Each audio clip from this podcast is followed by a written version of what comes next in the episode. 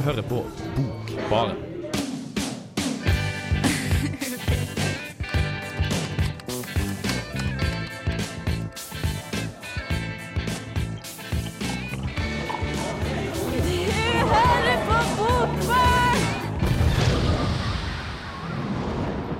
Hei og velkommen til Bokbaren. og vår potpurri-sending, restesendinga med det vi har å tilby helt på slutten av året. Fordi det her er den siste sendinga vi har å tilby deg før sommeren tar oss, alle sammen. Eh, med meg er Ingrid Kveim Skarolt. Hallo, Ingrid. Hva skal du gjøre? i dag? Jeg skal ta med en flamroman, som endelig en flamroman igjen, som eh, jeg ikke har fått lest, eh, som heter En ren besettelse. Så vi skal se hvor besatte vi blir av det. Det er et studie over forfatteren DH Lawrence. Det og Lawrence, pornografen fra et annet århundre. Og kanskje litt mer. Kanskje litt mer. Og Hanne Malene, hallo. Hei. Hei, hei. Hva gjør du her? Jeg, er, jeg eksisterer. Jeg bare er her. Nei, jeg har med meg en, en avisartikkelserie, faktisk, som heter Operasjon sjøldisiplin. Som er skrevet av en som heter Agnes Ravatn. Eh, og dette er da fordi dette er en rest fra forrige sending som ikke ble noe av. Vi trenger litt selvdisiplin vi òg her i Bokbaren. Så det, derfor så kommer den her. Som en sånn siste sånn oppløftende greie før eksamensstresset kommer og tar oss. Nå skal vi lære alt om hvordan du skal planlegge og ta deg selv i skinnet og gjøre alt bra. Ja, jeg kan egentlig bare si takk. Jeg gleder meg. Det Ja, det er veldig mye å glede seg til. Ja, bra. Og Synne, vår eh, sjefshøvding i studentmedia. Hallo. Hallo. Hva gjør du her? Hvorfor er det? Eh, jeg skal snakke litt om uh, min forkjærlighet for bokhyller Mm, i dag. ja. Hvorfor uh, Når begynte du med det? Selve boken? Når jeg begynte med bokhyller. Ja. uh, det var vel da jeg flytta til Trondheim og kjøpte meg min største Ikea-bokhylle, som fyller en hel vegg. Og så har jeg fylt opp den. Mm. Egen fetisj om bokhylla. Det er godt å høre om. Jeg skal snakke litt om Jeg har litt rest fra en sending som ikke har vært. En uh, selvhjelpssending. Og jeg skal snakke litt om hersketeknikker. Om, uh, om vi klarer å komme oss vekk fra dem. Om vi har de Ja, vi kan hjelpe. Er det hjelp? Nei, jeg vet ikke. Det var bare tull. Eh, kanskje vi skal høre på en sang fra en bergenser som snakker om at ikke kyss, ikke klem, men det er kulere å pule av A-laget. Eh, ja, jeg heter Dag Solstad, og dere hører nå på Bokbaren, og der er altså jeg. Hallo, du heter Dag Solstad, jeg heter Kristoffer, og du Dag, du er i Trondheim midt i mai. Eh, men nå er det ikke mai engang, nå er det slutten av april. Og nå prater vi litt om selvhjelp, og litt om en som liker D.H. Lawrence, ikke sant? Ingrid? Ja, eller liker og liker. Jeg har faktisk ikke lest noe av han selv, så det var litt spennende da jeg gikk i gang med denne romanen som, eh, hvor J.F. Dyer prøver å finne ut av litt hvem Lawrence var. Han selv er jo veldig fan eh, eh, og har lest mye, eh, så jeg var veldig spent på hva slags bilde jeg kunne få av Lawrence av å lese denne boka.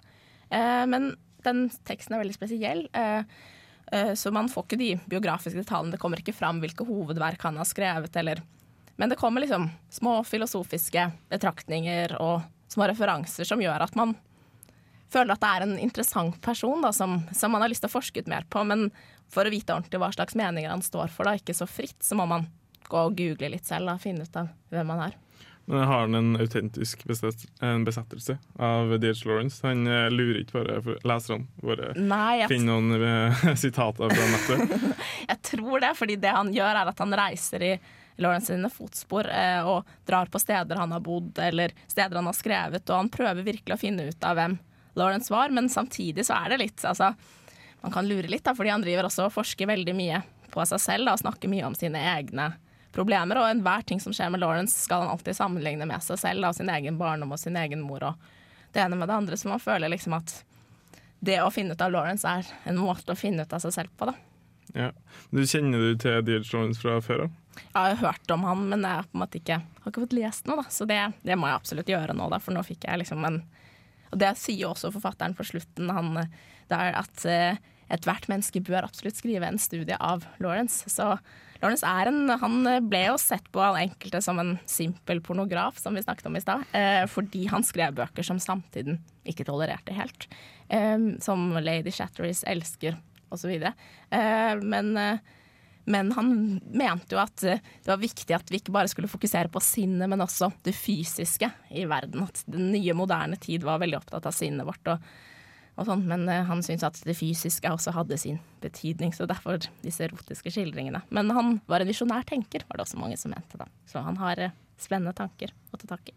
Ja, men du har fått Jeg føler at du har blitt kjent med D.H. Lawrence med å gå i fotsporene Eller med fotsporene til Joff Dyer, som han heter, han som har skrevet denne boka. Um, både og, da. Jeg, jeg ble jo kjent med noen av tankene hans og litt sånn Men det er jo et litt sånn tilfeldig utvalg, så man får ikke liksom så samla Samla, strukturert forståelse av han, men eh, man, man får litt inntrykk av ting han tenker, og veldig mye om dem, dette med en arbeidsprosess og dette, dette forholdet mellom frihet og arbeid. Da. For kunstnere som kan være litt vanskelig å skille. Når skal jeg egentlig arbeide, og når har jeg egentlig fri? Og at ferien bare er en byrde, er det mange som mener, da, for, fordi de ikke har dette A4-livet å forholde seg til. Så, eh, men eh, Lawrence fikk også Det er også sagt om Lawrence at han visste veldig godt hvordan han kunne gjøre ingenting. Og det syns jeg er en kunst som, eh, som jeg skulle ønske at jeg kunne. Hva med deg, Synne? Du har jo D.H. Lawrence i bokhylla. Skal du Ja. ta han opp nå? Um, ja, jeg kjøpte den egentlig fordi han har veldig fint cover, og fordi jeg hadde hørt om han. Um, så overfladisk er jeg faktisk. Men uh, ja, kanskje jeg skal sette den høyest på to read-lista mi. Mm. nå etter hvert. Lurt. Vi får komme tilbake til to read-lista di. Nå får vi høre eh, anmeldelsen, eller eh, saken til Ingrid Kveim Skarolt om en ren besettelse av uh, Joff Dyer. En ren besettelse. Basketak med DH Lawrence. Å sammenfatte innholdet i journalisten Geoff Dyers gravende studie av forfatteren David Herbert Richard Lawrence er ikke lett. En strukturert analyse av en såpass ustrukturert og tettpakka roman er så å si en umulig oppgave. Dette blir fragmentarisk og kanskje litt svevende, men så er ikke alle svar til å sette to streker under heller, da. Dyer går i Lawrences fotspor i et forsøk på å bli klokere på noe av det som bodde i denne gåtefulle mannen. Dyer er en mann på vandring, i tanker så vel som det virkelige liv. Han får innfall og ideer, ønsker og drømmer, men evner ikke å realisere en nevneverdig brøkdel av dem. Han utsetter arbeidet for å drive dank i tankene sine. Er dette et uttrykk for perfeksjon eller latskap? Er det endelig resultat eller en nysgjerrig prosess som sier mest om det søkbare objektet, og ikke minst den søkende? Så hvordan skal han gyve løs på en oppgave som ikke ser særlig lovende ut, og vil han noen gang finne et tilfredsstillende portrett av en så beundret forfatter? Dyer besøker bygninger Lawrence har bodd i, gater som er oppkalt etter ham, og museumsutstillinger. Hele tiden sammenligner han Lawrences opplevelser med sine egne. Og kanskje denne relateringen hjelper han å forstå. Fotografier spiller også en sentral rolle i arbeidet. Lawrence skal selv ha opponert mot dette, da de setter et punktum over det levde liv. Jeg blir jo selvsagt nysgjerrig, og ikke minst på skjegget som det snakkes så mye om. Et Google-søk senere, og også jeg får se ham. Lawrence, wow. Og det skjegget hans imponerer, men med mulighet til å anlegge et så fyldig og flott skjegg bør jammen meg gjøre det. Dyer tar i bruk de fleste midler og registrerer mye, men det er også så mye annet i veien. Befrielsen over å ikke være interessert i noe. Sider i avisa man ikke trenger å bry seg om. Han registrerer at sicilianerne sier nei, total avvisning, før det siden viser seg at det meste er mulig. Slik oppnår de større takknemlighet enn om de hadde sagt ja i utgangspunktet. Overraskelsen. Den positive overraskelsen gjør så godt for kropp og sjel. Men sleip triks, det der. Også hans kjærlighet til tettbygde strøk via Italo Calvino. En fugl kunne komme til å tro at disse takene var jordas overflate. At gatene og smuga var skar, sprekker i den teglsteinede jordskorpen. Ville A4-livets faste rammer gjort det enklere for frilansere som Dyer, Ferie i en byrde for frie sjeler. sier han. Men hvor går skillet egentlig? Er nettopp disse digresjonene en del av svaret? Er livet en fullendelse av verket eller mennesket? Heller ikke Lawrence var noen strukturert type. Han avskydde evinnelige korrekturlesninger, og lot tekstene være utkast til publisering. Dessuten sier Dyer Så fort jeg ble nok om et emne til å begynne å skrive om det, så mista jeg umiddelbart interessen for det. dette skaper et sant, litt rått og veldig ærlig portrett av Dyer og Lawrence. Hele veien er det tydelig at det er et litterært univers vi besøker. Det er ikke påbud om å være belest, men helt klart en fordel så de språklige bildene når maksimal oppløsning. Camus' blå himmel og en kafkask drøm. En ren besettelse kunne med fordel vært både kortere og hatt færre tegn på sidene. Vi trenger litt luft, en tenkepause. Flere av spørsmålene er sentrale i våre egne liv også. Dyer hevder, det er litt av en hyllest, får du si, at vi alle uansett hva bør skrive vår egen studie av Lawrence. Da kan sammenligningen være en god start. Skal det være rom for det, må Dyer også skape rom i sin egen tekst. Men vi blir besatt, stort sett, og nysgjerrig på Lawrence og litteraturen hans. Livet og kjærligheten. Men mest av alt nysgjerrigheten selv. Hei, hei. Eh, Dette er Vigdis Hjort. Jeg liker navnet på denne radiokanalen, Radio Revolt. Hør på magasinet Bokbarn. Det å sitte på bar og lese bok, det er ikke det verste. Helt riktig, Vigdis Hjort. Jeg kan se for meg at du er glad i å sitte på bar, i hvert fall det jeg har hørt i nyhetene. Uh, det her er Bokbaren, og hvis du er som meg, så liker du radioen din best Bokbar. Uh, sorry. Synne Lerhol, uh, studentmediehøvding. Uh, du er glad i bokhylla? Ja, jeg er det. Det er liksom Det er det fineste møbelet i stua mi. Det er det som sier mest til meg. Og ja, helt siden jeg så 'Skjønnheten og udyret' som går inn i det store, fine biblioteket, så liksom Det har vært drømmen min, da. Ja. Ja. Uh, Batman har en sånn uh, hule, og Ja. måten han går ned til hula, er å trekke ut en liten bok i bokhylla, og så åpne bokhylla seg. Og så kan han ja, gå ned og kle på seg andre klær. Det er en sånn det, versjon jeg ser for meg, egentlig. At jeg skal ha. Um, og hvis du går på Tumblr, eller et eller annet sånt, så kan du søke på books eller bookshelves. Og da ser du uendelig mange tumbles om, eh, om sånne type dører og sånne hemmelige rom. Og det er kjempegøy. Og jeg tror kanskje jeg har planlagt mitt neste hus, sånn som bare skal være dekket av bøker. Overalt. Men, Det er drømmen. ja, men må det liksom være en sånn spesiell fancy bokhylle, eller er det nok med bare en bokhylle? Altså, det er bøkene som skal ha oppmerksomheten, liksom.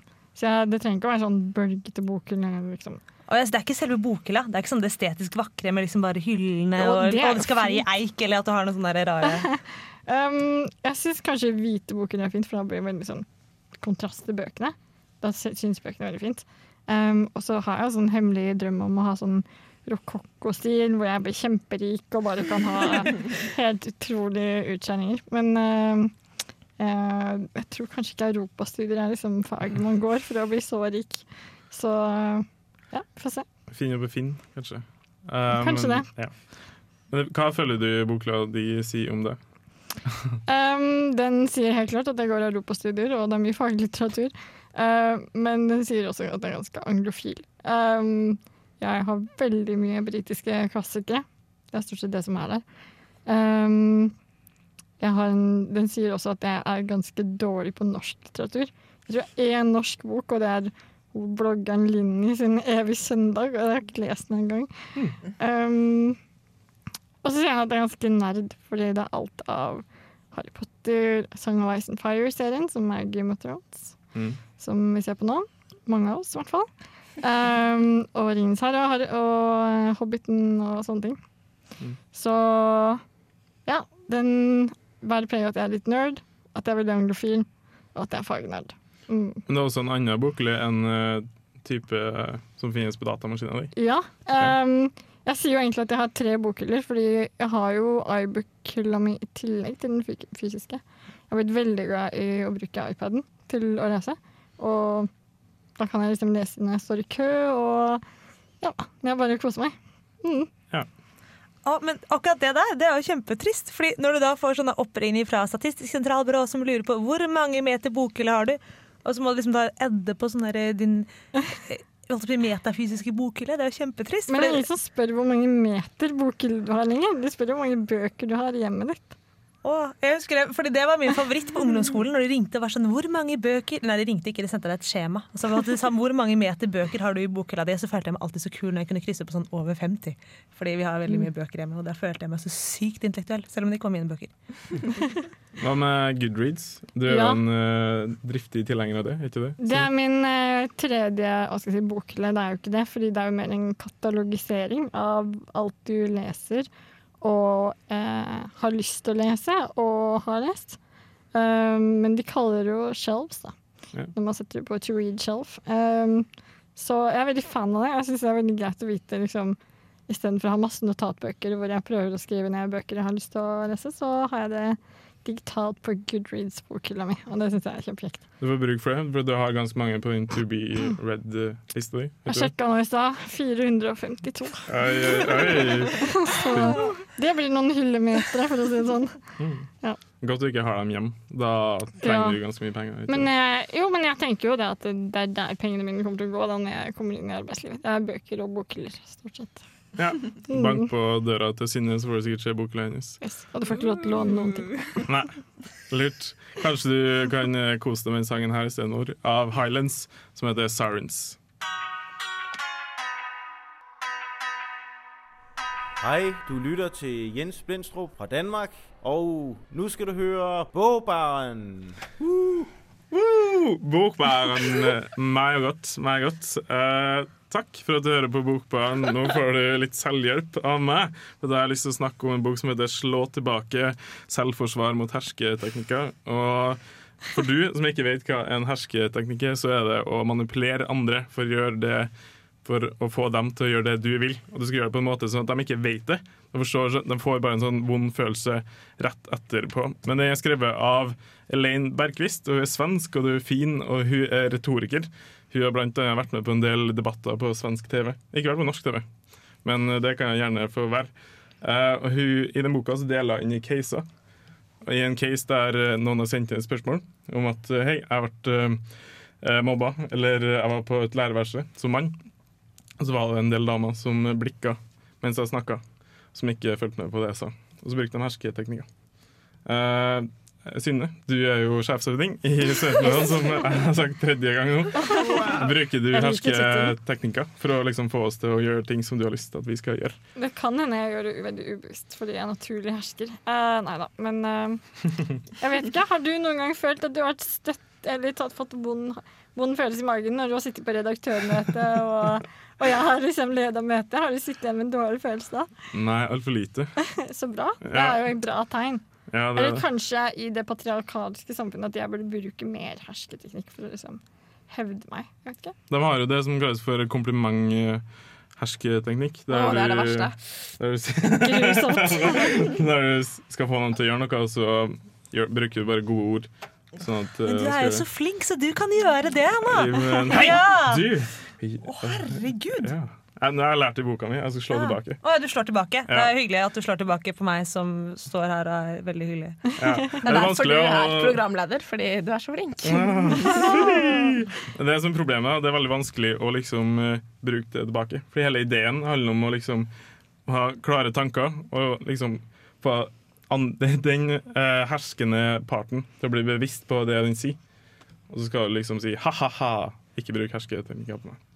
Så du skal basically bare eh, se at det er en hersketeknikk, og så si det? Ja, men uten at du blir eh, et offer. Det er veldig vanskelig. Eh, men jeg har jo prata med selveste dama som har eh, skrevet denne boka. Og det kanskje du har lyst til å høre på nå?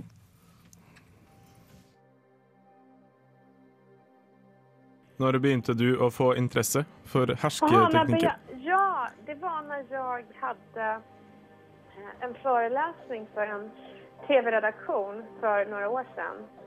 Och eh, en, en kvinna frågade, hon sa, jag vet inte varför jag ska lyssna på dig som är så ung.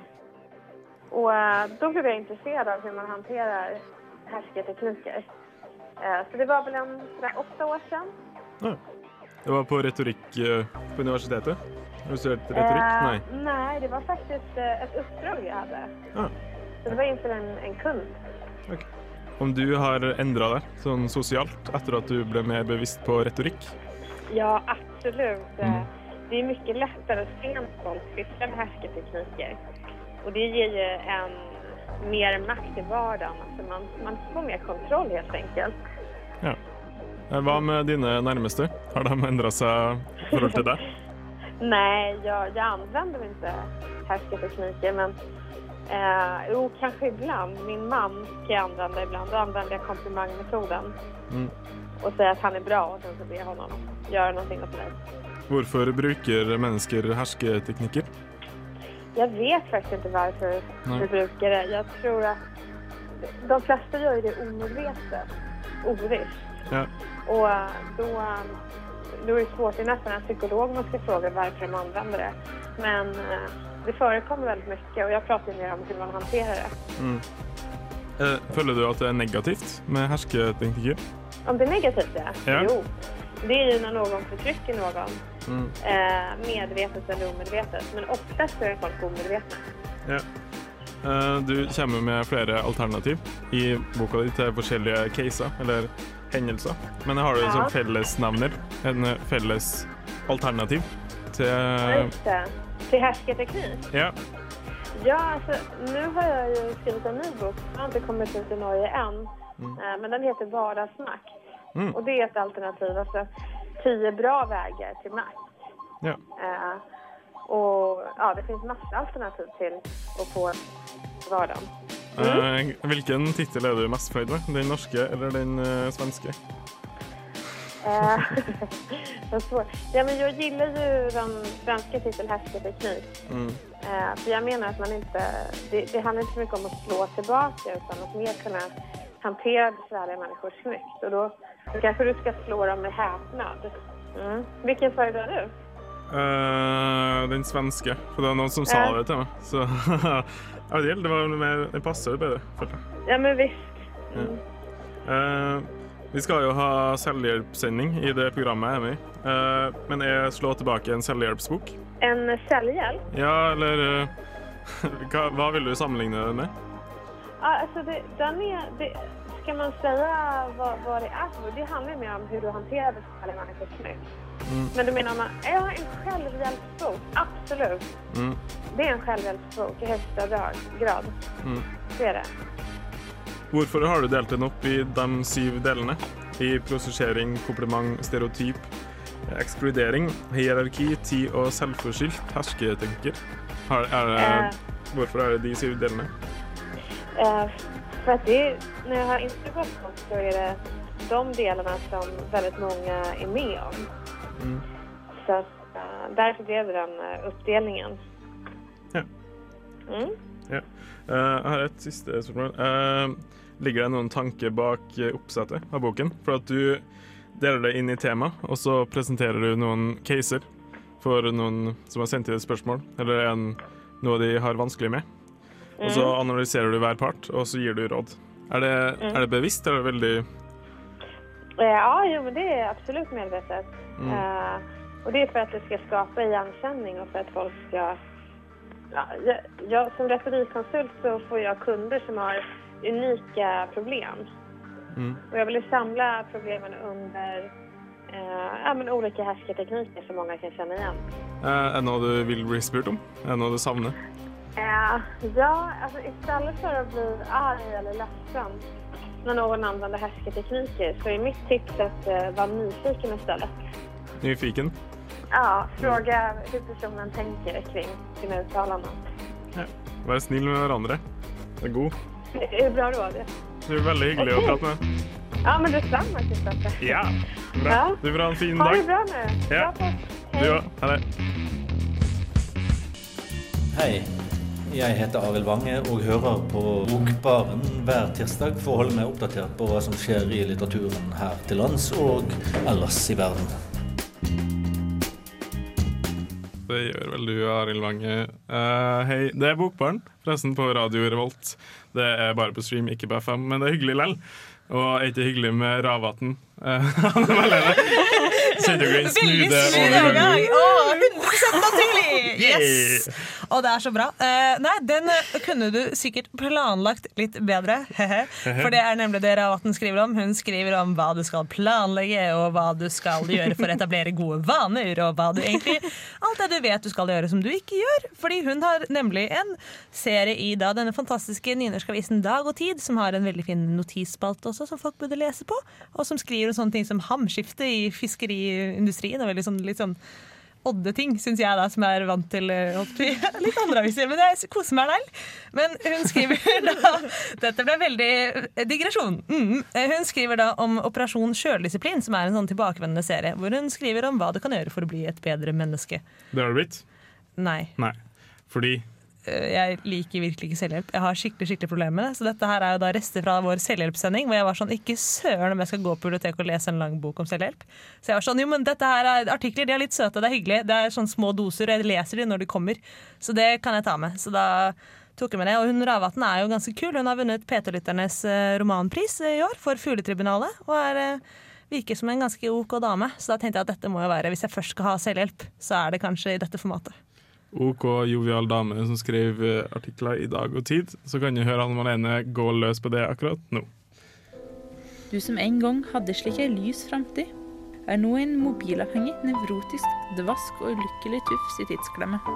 Men fortvil ikke, Agnes Ravatns åndsaristokratiske sjølhjelpsserie for livet ditt på rett kjøl. Slik lyder ingressen til sakene i serien Operasjon sjøldisiplin, som altså skrives av forfatter og journalist Agnes Ravatn til ukesavisa Dag og Tid. Denne spalten dukker opp i avisa med ujevne mellomrom, og her gir Ravatn tips om hvordan vi skal klare å få gjort noe som helst i en moderne hverdag hvor vi fortsatt er preget av et dyrs urinstinkter.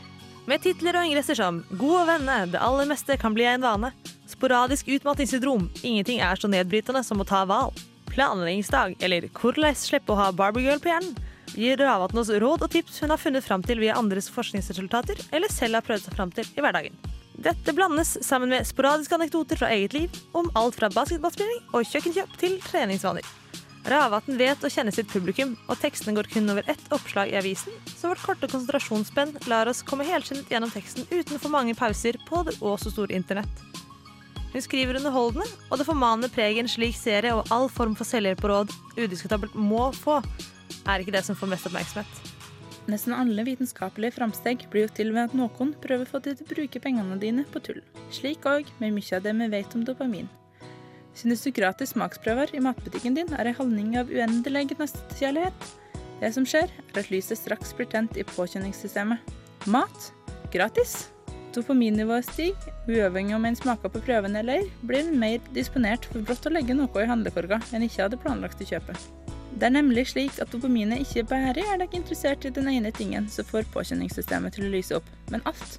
Og på serien 'kjøp kaffe, få gratis bolle'-plakat gjør deg òg litt mer interessert i opphøysjalet lenger nede i gata. Studier viser at menn som først er blitt eksponert for bilder av lettkledde kvinner, er villigere til å ta større finansielle sjanser. Det at vi ikke bare får ti tips til en lykkeligere hverdag, men faktisk også får litt god trivia som vi kan ta med videre inn i smalltalkens verden, gjør at jeg blir litt mer positiv. Og den hyggelige tonen vi moraliseres på, gjør at jeg i løpet av tiden det tok meg å lese gjennom de fem artiklene fra 2014 på nytt, og skrive saken til denne innspillingen, kunne ha tatt meg samvittighet til å ta én Facebook-pause. For hvis du først skal klare å bli et mer effektivt menneske i dette travle teknologiske sammensuriet som er verden, så må du tydeligvis først ha tid til å lese en bok om eh, hvordan få ting gjort, eller masteroppgave på 123, hvordan si nei, eller en av de utallige andre titlene som finnes på området. Om du som jeg verken har tid eller lyst til å lese 200 sider om alt du gjør galt og burde gjort riktig, anbefaler jeg å lese Ravatns artikler. Jeg kan sikkert tidvis bli vel dystopisk når jeg tenker på eller uttaler meg om vår tids lett maniske forhold til skjermer i ymse format. Nei, smarttelefoner alene vil trolig ikke ta knekken på menneskeslekta. Ikke sosiale medium eller internett generelt heller. Men den kjensla av å ikke klare å holde oppmerksomheten retta mot én ting uten at det etter kort tid begynner å krible, den er ganske ny. Enten det gjelder arbeidet, boka en leser, filmen en ser på, samtalen en har. Det er klart at hjernen alltid har vært på leit etter noe mer spennende når han kjeder seg. Men nå driver han i tillegg og leter sjøl når det ikke er kjensomt. Forklar meg det. Men altså, er det mulig å gjennombrobre konsentrasjonsevna? Ja, er det det? Ravatn gir deg i hvert fall tips. Multitasking, eksempel, er selvfølgelig ut. Men det visste vi vel egentlig fra før. Og det er vel bunnlinja. Vi vet det egentlig alt sammen. Vi bare gjør det ikke. Men derfor er det kanskje greit å bli minnet på det i passe små doser. Og med morsom forskningssnacks og små blikk inn i Ravatns hverdag, så er det ikke så ille likevel.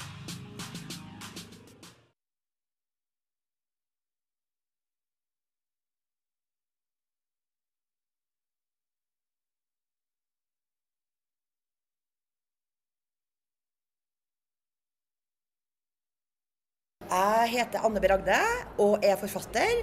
Og når man er forfatter, så hører man selvsagt på Bokbarn så ofte man har anledning. Man hører på Bokbarn så ofte som man har anledning, og av og til så kan det bli litt stilt. Det kan dette litt gjennom. Eh, men eh, du snakka om eh, selvhjelp på en litt eh, eh, spesiell måte. Ja, nei, Det er ikke en veldig spesiell måte. Det er vel nettopp det at det er som selvhjelp mest at her kommer alle tipsene på det du vet du skal gjøre. Du skal ikke gjøre flere ting på en gang. Du skal planlegge dagen din. Les litt hver dag. Skriv litt på bacheloroppgaven din hver dag. Det er jo litt sånn ja, jeg vet dette her, men selvfølgelig så gjør du det ikke likevel. Men det er med sånne små fun facts inni likevel. Det er det som gjør det hele så kjekt. Ja. Ja, og, og hva er den fun? Nei, Jeg skal komme med et veldig godt eksempel. Eh, det, for eksempel, hun skriver en sak om at ingenting er så nedbrytende som å ta valg. Og dette lærte jeg også da jeg studerte arkitektur. Min form og fargelærer sa at dette er deres store problem. Det er å ta valg. Eh, og da er det da flere forskningsprosjekter som har gjort på dette. her, og da er det en gang hvor det for var forskning, en forskningsgruppe da, som hadde to forskjellige grupper mennesker, så sa til den ene gruppen at her har dere to forskjellige produkter, velg mellom disse. Og så valgte de. Og så fikk de to nye produkter, velg mellom disse. Og så valgte de. Og den andre gruppen de fikk bare et produkt, og så fikk de beskjed beskriv dette produktet. Og så gikk det sånn på ganske mange produkter, og så etterpå så skulle de holde hånda si nedi en bøtte med isvann. Så var det sånn, hvor lenge holder disse forsøkspersonene ut? Og da kan dere gjette. Hvem holdt lengst? De som beskrev. Yes, de som beskrev. Fordi det å ta valg er så utrolig slitsomt. Så da etterpå så klarte de å holde hånda til isvann sånn ca. 28 sekunder. Mens de som bare måtte beskrive og ikke ta valg, de holdt ut i 67.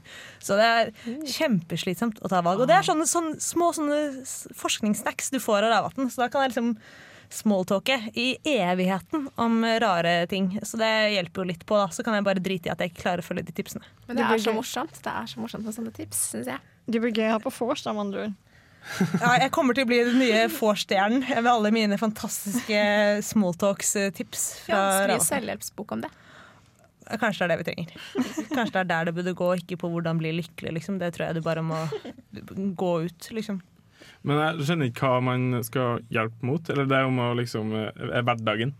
Det det går ut på. Om Ja, å du, du, skal få, du få, det er en selvhjelpsserie. Du skal få hverdagen din på rett kjøl. Det liksom sånn, og så tar hun opp litt forskjellige temaer hver gang. Hun har tatt opp eh, hvordan etablere gode vaner, um, og skal vi se, og hvordan man skal sette seg gode mål, og hvordan man skal komme inn i konsentrasjonssonen osv. Da blir du et mye bedre menneske hvis du klarer å følge alle disse. Liksom, og så får du liksom, ikke sant, Det kommer litt sånn sporadisk. Kanskje sånn hver annen tredje uke. Så da får du litt tid til å prøve ut hver ting før det kommer noe nytt. Ja. Men hun er jo forfatter, som du nevnte eh, før uh, saken. Ja. Og hun har en bachelor i nordisk, vet jeg hvert. Eh, jeg mener hun har det. Det har hun sikkert. sikkert. Føler du at hun, hun har noe grunnlag til å gi deg selvhjelpstips? Ja, altså Det å være forfatter tror jeg er noe av de tingene du trenger å ha veldig god selvdisiplin for. Du skal jo søren meg bare sitte der for deg selv og skrive. Det er sånn som alle vi når vi har hatt hjemmeeksamen, vet hvordan det går. Eh, Så jeg tror at det er en veldig god ting å kunne ha god selvdisiplin på hvis du skal jobbe som forfatter. Så for all del. Og så driver hun og leser sykt mye rare sider sånn for å finne ut av eh, litt snacks vi kan lære om hvordan dopamin fungerer, f.eks. Så da blir det bra. Ja. Det var Hanne Malenes vårs-tips, eller vårs smalltalk-tips. Eh, du kan også ta med deg Raw av eh, Flyboy på det vorset hvis du har lyst.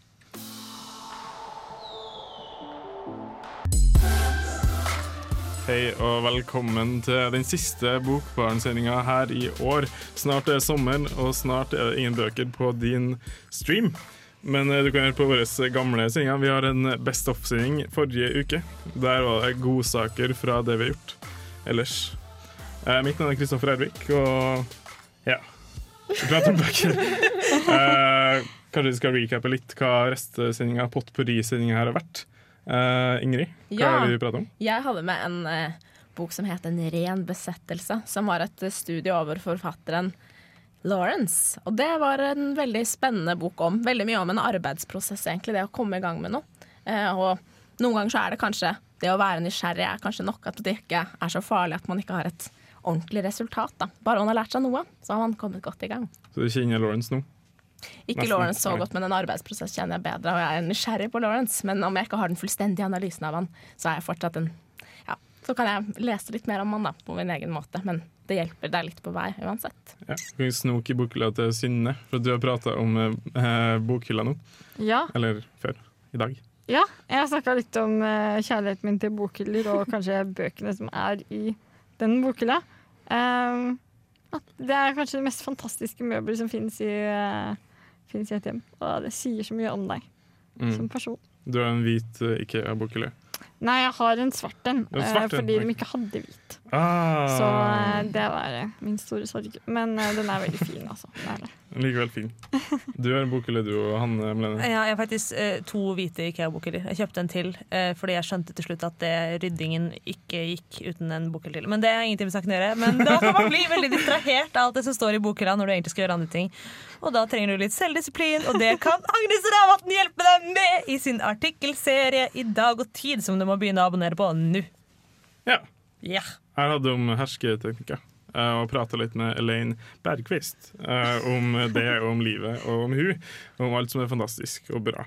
Slå tilbake, Kristoffer. Slå tilbake. Skal vi slå inn noe arrangementer? For Vår gamle Vår eh, eminente bokbarnlegende Eline Bjerkan Sjefshøvdingen i Bokbarn. Sjefshøvding i Bokbarn. Hun skal prate om bøker en plass, skal ikke det? På Rockheim. Ja, på Rockheim 8. mai klokka 19.00. Arrangementet kalles Bok 1, Bok 2. Hun skal lede en samtale med litt forskjellige forfattere som kommer. Mm. Bare til Joakim Kjørsvik, som eh, kom ut fra Kolon med 'I fjor var en lang natt'. I hvert fall. Er det flere? Det er sikkert noen flere. Det står, det om på, det står om på det store internettet. O store internettet, er det ikke det vi alltid sier? Det o store internettet og det enda o så større Facebook. Ja. Og så kommer Dag. Han kommer. Dag kommer og skal snakke om eh, litteraturkritikken i Norge. Dere. Dette her kommer til å bli så gøy. Eh, det er den 13. mai på Nordenfjelske kunstindustrimuseum. Samarbeid mellom Norsk eh, Forfattersentrum og forlaget Oktober. Så det tror jeg blir kjekt. Ja, det blir kjekt. bok er kjekt, men nå er det ikke så veldig mye mer. Eh, mitt navn er Kristoffer Edvik, men jeg har hatt Ingrid Kveim Skarholt. Han er Melene Lindberg. Ja. Synne Lerol. og kanskje tidenes beste tekniker, Camilla Brønne. Har du lyst til å si noe? Rop høyt. Ha det! Ha det! det ha det godt. Jeg er glad i det. Eh, snakkes. Ha det.